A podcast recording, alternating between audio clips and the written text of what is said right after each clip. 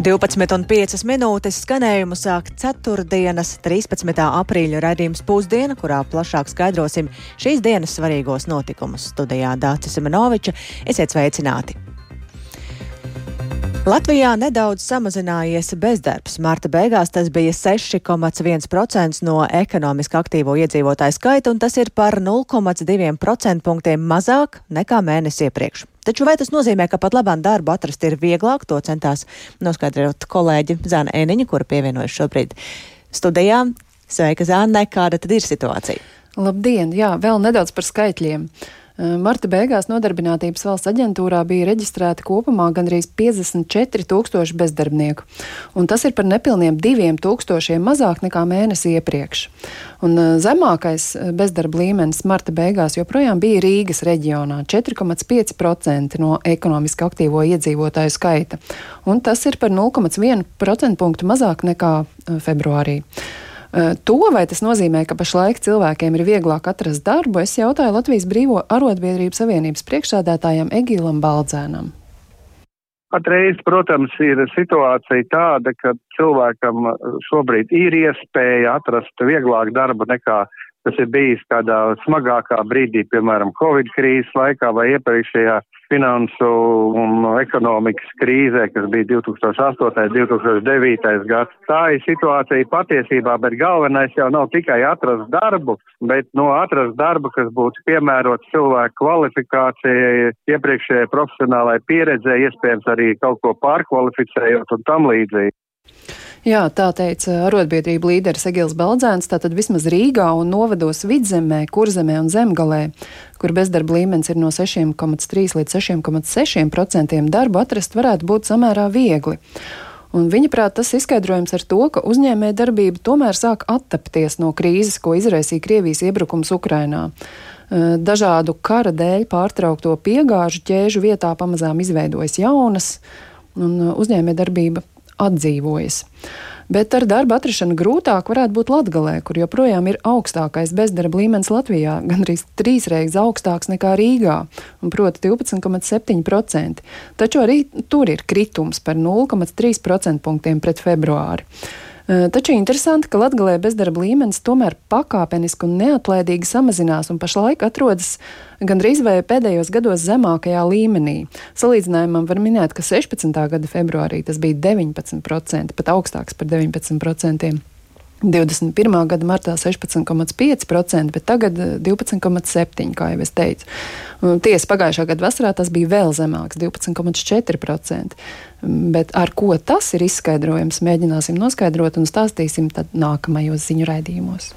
Paldies Zanai Eniņai. Tāds lūk skaidrojums par bezdarba datiem. Un jāteic, ka kādu laiku jau nebūtu nespīdoša situācija ar ar jauniešu bezdarbu, un jauniešiem ir iespēja uzlabot savas zināšanas, lai pēc tam būtu vieglāk atrast darbu. Sociālais uzņēmums visas iespējas līdz 18. aprīlim aicina pieteikties apmaksātām apmācībām par digitālo projektu vadību un datu ievadi. Un kā šorīt redzījuma labrīt kolēģiem Martai Skujai un Kristapam Feldmanim sacīja uzņēmuma visas iespējas vadītājs Gustavs Mārtiņš Upmanis, jauniešiem interesi par mācībām ir, šobrīd pieteikušies vairāk nekā 200, turklāt Mācības notiks tiešsaistē un līdz ar to ir viegli pieejamas arī reģionos. Paklausīsimies viņa sacītajā. Mērķa auditorija ir jaunieši, jebkurš vecumā no 20 līdz 29 gadiem un vēlams bez darba, kuri grib apgūt papildu prasmes tieši attālinātā un hibrīda darbā. Un šajā konkrētajā reizē tas ir divās profesijās, no kurām viena ir datu ievade, tātad krietni vairāk Excel un kā apstrādāt datus, kā par viņiem domāt. Un otra profesija ir digitālo projektu vadītājs. Kā vispār veidot, vadīt gan kultūras, gan digitālas, gan cita veida projektus. Bet kāpēc tieši jaunieši? Pirmkārt, mums kā uzņēmumam, mūsu mērķis ir ļaut jauniešiem izmantot viņu pilno potenciālu. Un konkrētāk arī šajā Gauramoda projektā finansētājs EA un Norvēģijas fondi mums dod naudu tieši, lai mēs risinātu problēmas šajā vecuma grupā jauniešiem. Un tātad primāri nevien 20 līdz 29, bet arī no reģioniem, arī jaunās māmiņas un jaunieši ar dažādām riska grupām ir ļoti laipni gaidīti. Šādi kursi, cik tie ir aktuāli, nu, proti, kāda ir jauniešu bezdarba situācija? Bezdarba situācija ir diezgan stabili, mazliet bēdīga jau vairākus gadus. Kopš principā Covid ir sāka katrs desmitais jaunietis nemācās un nestrādā. Un, protams, tā situācija ir sliktāka reģionos, kur tādu normālu darbu pieejamība ir zemāka. Un tāpēc mēs arī mēģinām reģionos īpaši šo ziņu izplatīt, tieši runāt par attālinātu darbu, lai cilvēkiem nav jāstrādā kaut kādi darbi, kur ir tikai naudas dēļ, vai nu fiziski darbi, ja tādi neinteresē, vai, teiksim, kafejnīcās vai kur, bet lai viņi var attīstīt jau prasmes konkrētos darbos, kuros viņi nākotnē var būvēt karjeru. Nu, tieši tas šobrīd ir tas uzsākums dabūt normālu darbu, ar ko attīstīt prasmes, jo citādi tikai naudas dēļ nu, tur nav izaugsme. Tālāk sociālā uzņēmuma visas iespējas vadītājs Gustavs Mārtiņš Upmanis par mācībām, kurām jaunieši vēl var pieteikties. Savukārt Daugopils universitātei būs jauns rektors. Uz šo amatu ir divi kandidāti - filoloģijas doktore bijusī izglītības ministra Ilgu Šuplinska un bioloģijas doktors Daugopils universitātes zinātņu prorektors un kādreizējais rektors Arvīts Barševskis.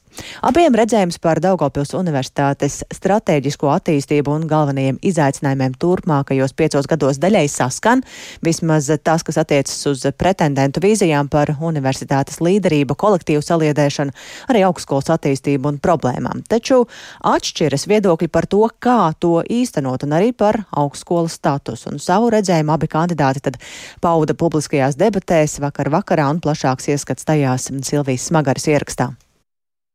Jauns rektors Dāngāpas universitātē nepieciešams, jo pašreizējās rektoras profesors Irēnas Kakinas pilnvaru laiks tuvojas noslēgumam.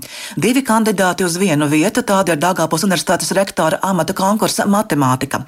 Pretendenti - filoloģijas doktora bijusi izglītības un zinātnes ministra Ilga Šaplīnska un bioloģijas doktors Dāngāpas universitātes zinātņu protektors un kādreizējais rektors Arvīts Berševskis. Abus vēlēšanām kā vienlīdz spēcīgus kandidātus izvirzīja Dāngāpas augstskolas padome stāstās vadītājs Māris Bazovičs. Padome ir eh, iepriekš skatījusi pretendentus un vērtējusi konkursa divās kārtās. Tad eh, nu, mēs, kā padome, virzījām arī šos pretendentus kā līdzvērtīgus pretendentus rektora vēlēšanām Universitātes satversmes sapulcē. Ilga Šaplīnska Dāngāpas universitāte redz kā Eiropā atpazīstamu lietišķo zinātņu universitāti. Stabilizācija visiem trim attīstības specializācijas virzieniem, pārvaldības reforma neapšaubām, atvērtība tieši dažādu sadarbības platformu veidošanai un ļoti liels uzsvars uz savu līderu izgaismošanu, atbalstīšanu.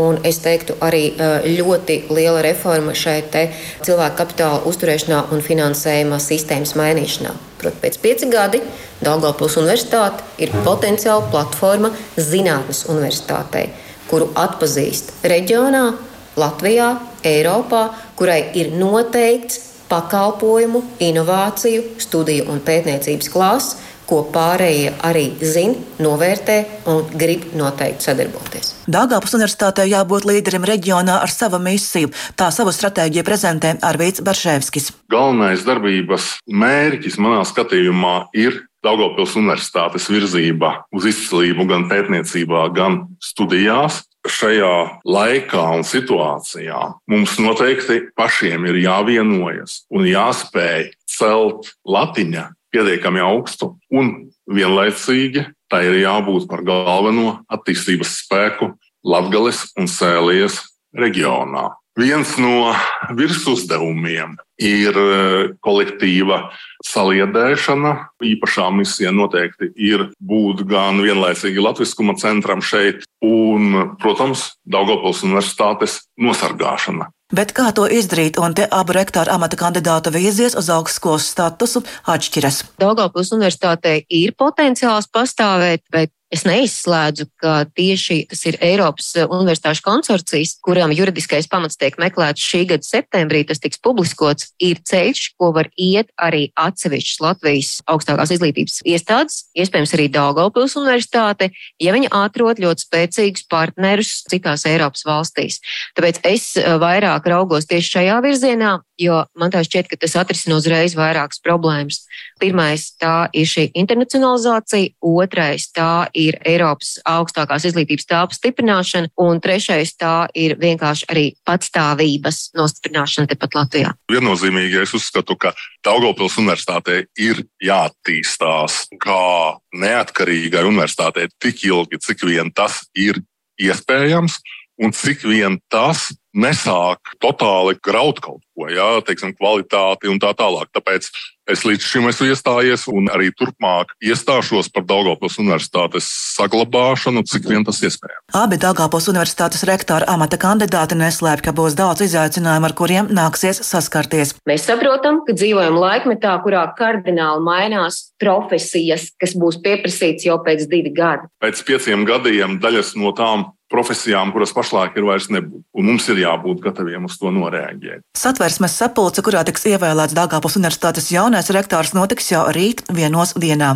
Silvijas Magare, Latvijas radio studijā Latvijā.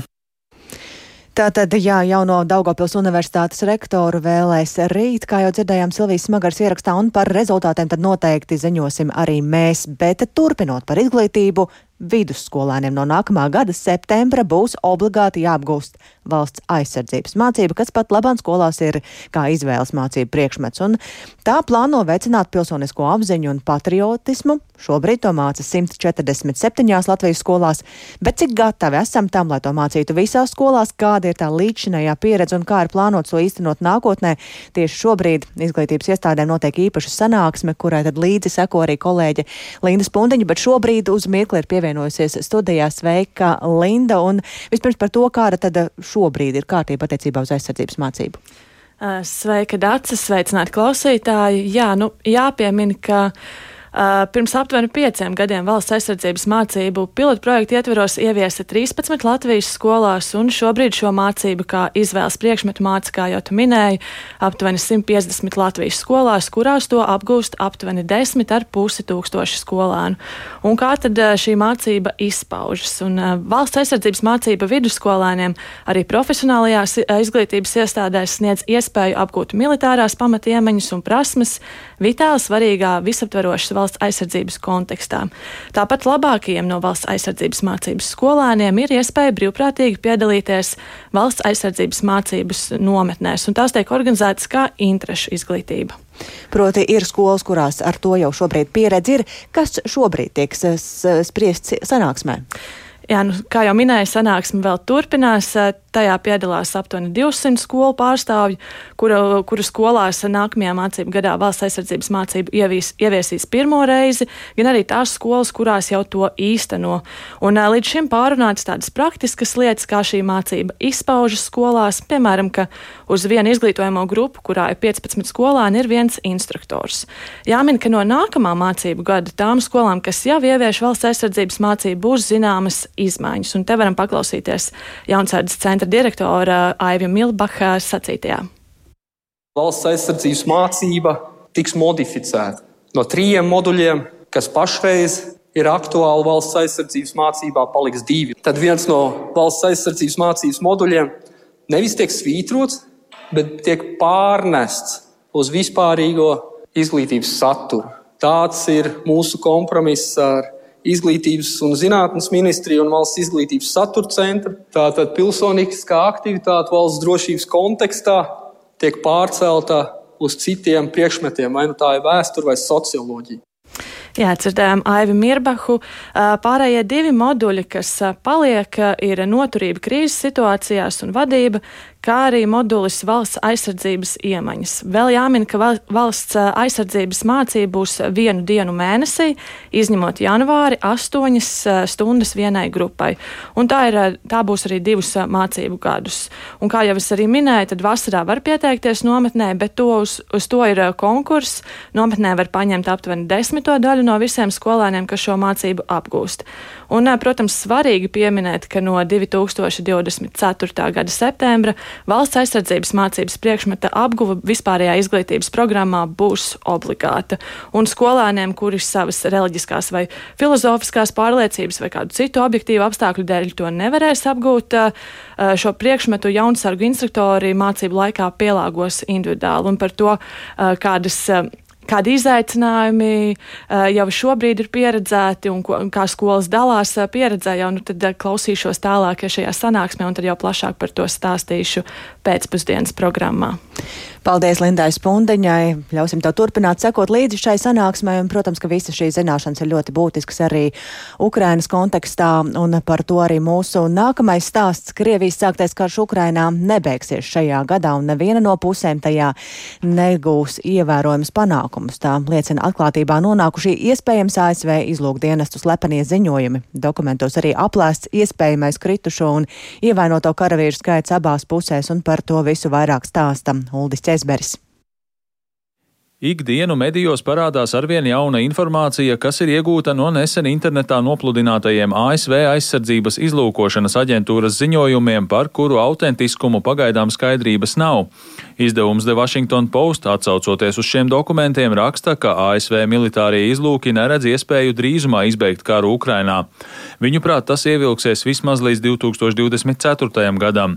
Analīzē secināts, ka pat gadījumā, ja Ukrainai izdotos atkarot nozīmīgu daļu no okupētajām teritorijām un radīt milzīgus zaudējumus Krievijas karaspēkam, tas nenovestu pie miera sarunām. Ziņojumā secināts, ka šajā gadā gan Ukraina, gan Krievija varētu gūt tikai nelielus teritoriālos panākumus, jo efektīvu kaujas operāciju veikšanai nepietiks dzīvā spēka un bruņojuma.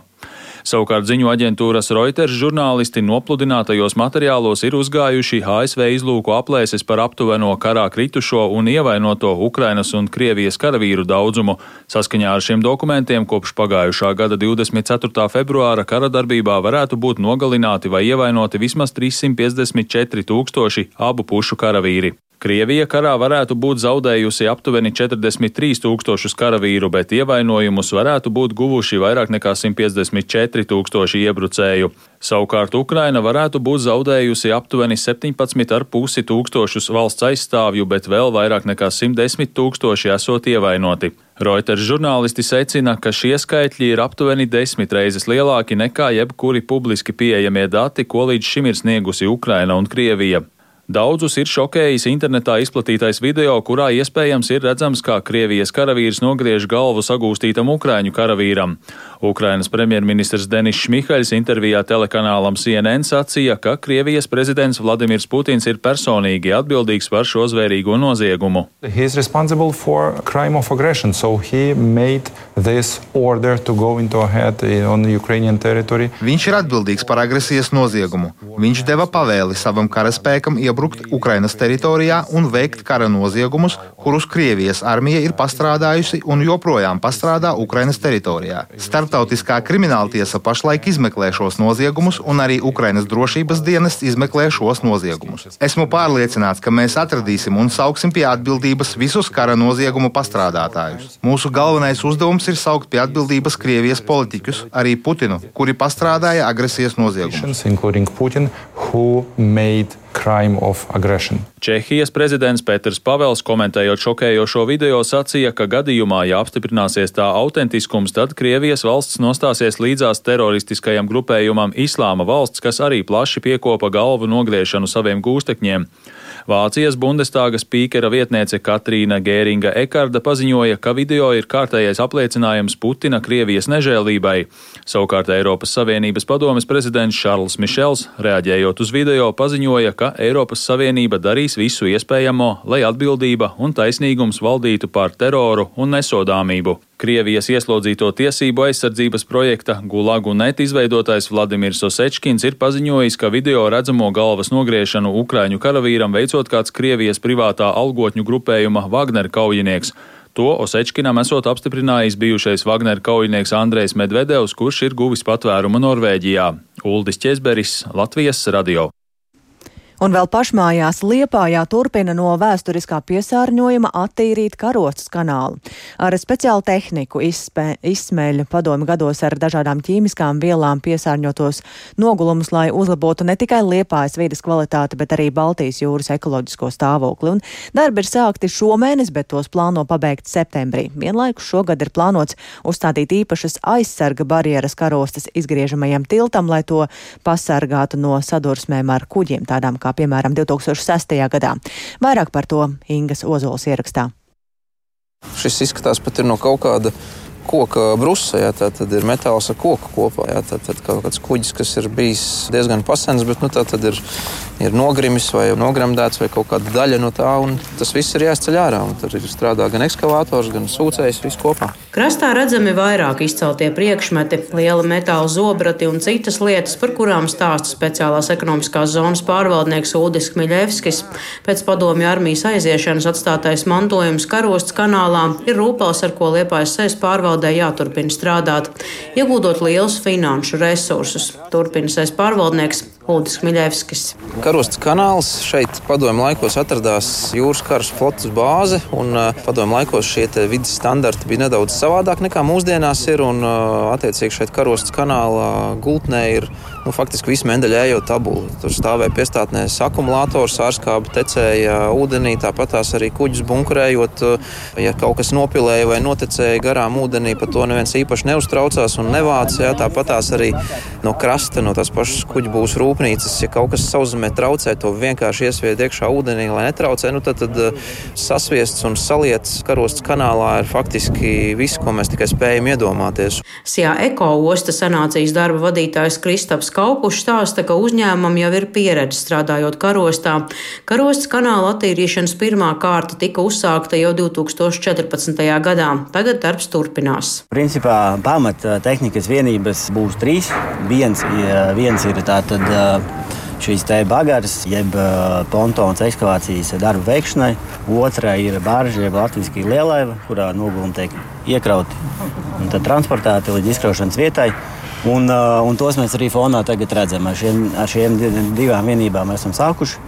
Un, uh, papildus būs vēl trešā vienības sūkšanas iekārta. Principā liels peldlīdzeklis, kas sevi iesūdz un, un tad uh, arī kā bāža pārvieto un pārsūknē tālāk deponēšanas vietā.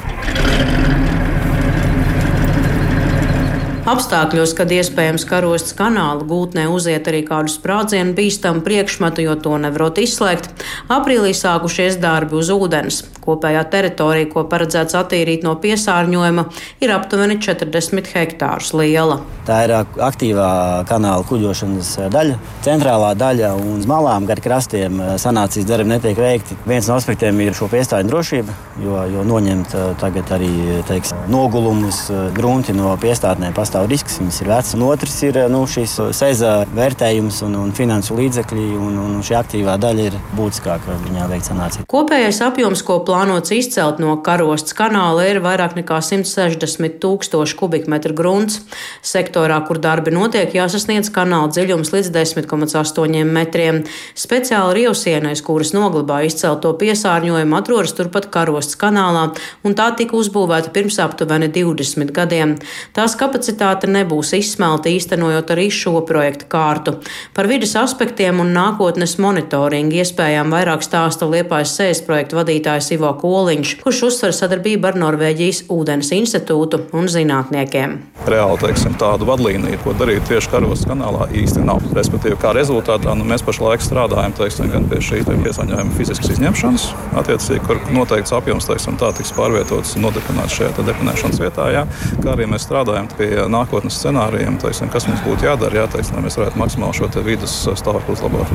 Un viens no arī šīs programmas obligātiem nosacījumiem ir, ir ilgspējīgas vidas monitoringa sistēmas izveide.